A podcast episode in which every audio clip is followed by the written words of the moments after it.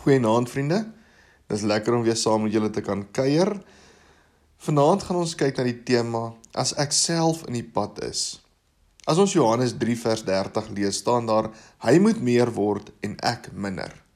Ek lees die verhaal van 'n dogtertjie wat saam met haar pa en ma in 'n Christenvriend se huis gaan oorslaap het.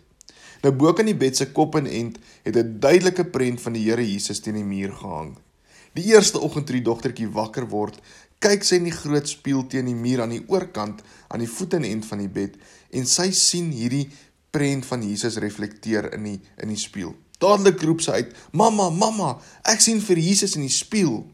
Sy sit dadelik reg op om beter te sien, maar toe sy bo kom, toe sien sy haarself in plaas van Jesus.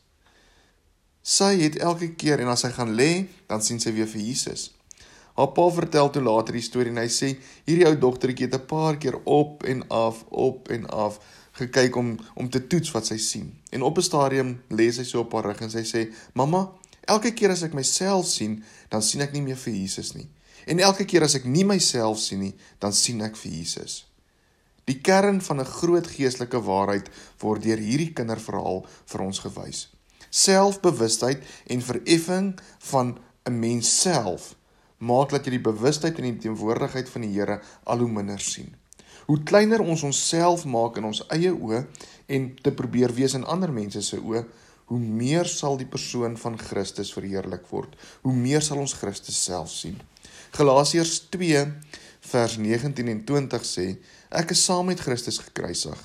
En nou is dit nie meer ek wat lewe nie, maar Christus wat in my lewe. Die lewe wat ek nou tot nou nog hier lewe, leef ek in geloof deur die seun van God wat my lief wat wat sy liefde vir my bewus gemaak het deur sy lewe vir my af te lê. So wat kan ons leer vandag? Vandag leer ons dat wanneer wanneer ons onsself groter maak as wat ons is, dan kyk ons vir Jesus mis. Ons moet Jesus groot maak en Jesus moet nommer 1 in ons lewe wees. En daarom bid ons vandag, Here, Vandag wil ek minder wees sodat U al meer kan word in my lewe. Dankie dat ons dit vir U kan vra, o Here. Amen. Mag elkeen van julle 'n wonderlike aand verder hê en sterkte so ook vir die week vir die volgende week wat voorlê tot ons weer saam kuier. Mooi aand, groete.